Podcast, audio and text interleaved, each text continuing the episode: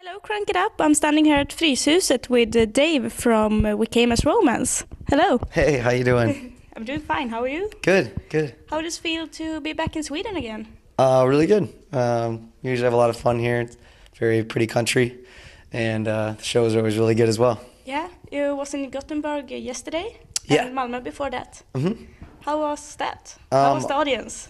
Awesome. Uh, I've never been to Malmo before, so that was a new experience. And uh, last time was even better than the time before, and tonight should be very good as well. Sweden's awesome. My uh, my grandparents are both from here too, so uh, it's kind of cool to be um, where they're from, you know, and kind Yeah. of learn about the culture more. And uh, it's it's a beautiful place as well with all the lakes and um, and the people are very friendly. So it's uh it's very cool to be here. I enjoy Sweden a lot. Yeah. Uh, do you have when you're on tour? Do you have time to like?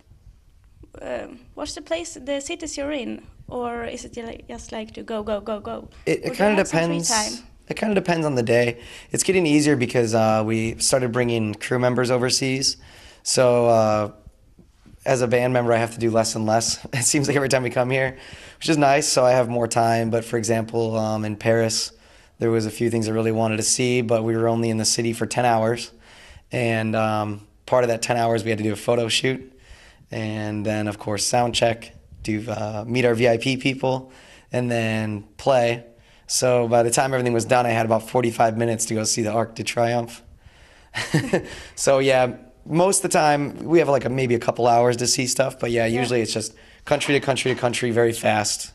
Don't get to see as much as I want to ever. Wow. The melodic metalcore scene has grown the last years. Mm-hmm. Is that something that you have no- noticed too, or is it just in Sweden? Um, I've definitely noticed it as well. Um, and I think it is a worldwide thing, especially with bands like, you know, A Day to Remember almost breaking into the mainstream kind of music scene and them being uh, not terribly far off of our genre, you know? Uh, I think that's really cool. And yeah, I definitely think it's becoming more and more popular. And um, we went on, like, like I said, we went on tour with the Day to Remember and they were playing like, they were doing like five, 6,000 people every single night. I mean, that's huge. And like I said, they're kind of a band close to our genre. So that's really cool to see, you know, our music um, genre getting so popular. Yeah. Do you think that uh, your band has um, that you have? Um, Got more popular? yeah. Um, Thank I, you. I like to think so. I mean, it's cool when, um, like, for example, last time we played uh, Gothenburg, I can't say it how you guys say it in Swedish, but last time we played Gothenburg, and the first time we were there, it was very small show. And then last night, there was over 300 people. And then tonight um, is supposedly there's a lot of pre-sale tickets, so tonight should be good as well. So, I mean, I guess numerically and statistically, we're growing, which is nice. Yeah. Um, yeah, so I'd, I'd say so. We're getting more popular, hopefully. Yeah. so, what's your favorite country to play in this far? To play in, um, Which fans are best, or not best? I mean, we do. Uh, we have the biggest fan base in America Yeah. because we've been touring there the longest, you know.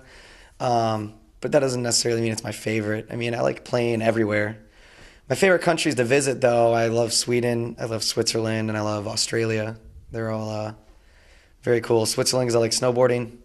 Sweden because it's uh, very pretty. I'm not just saying this either; it's a Swedish interview, but I really do like Sweden, and Australia just because it's a very nice country as well. So, what's your greatest tour memory? Oh, there's there's a lot. I don't know, like uh, Choose biggest uh, show or. Two. Yes, something Um, that you remember, something special. I think a very special moment was um, this past winter.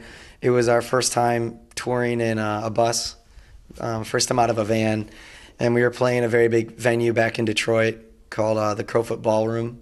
And I've seen bands there growing up all the time, and it was cool. We were headlining it, and nobody thought the show would sell out. You know, we, we thought we'd do maybe 600, 500, 600 people.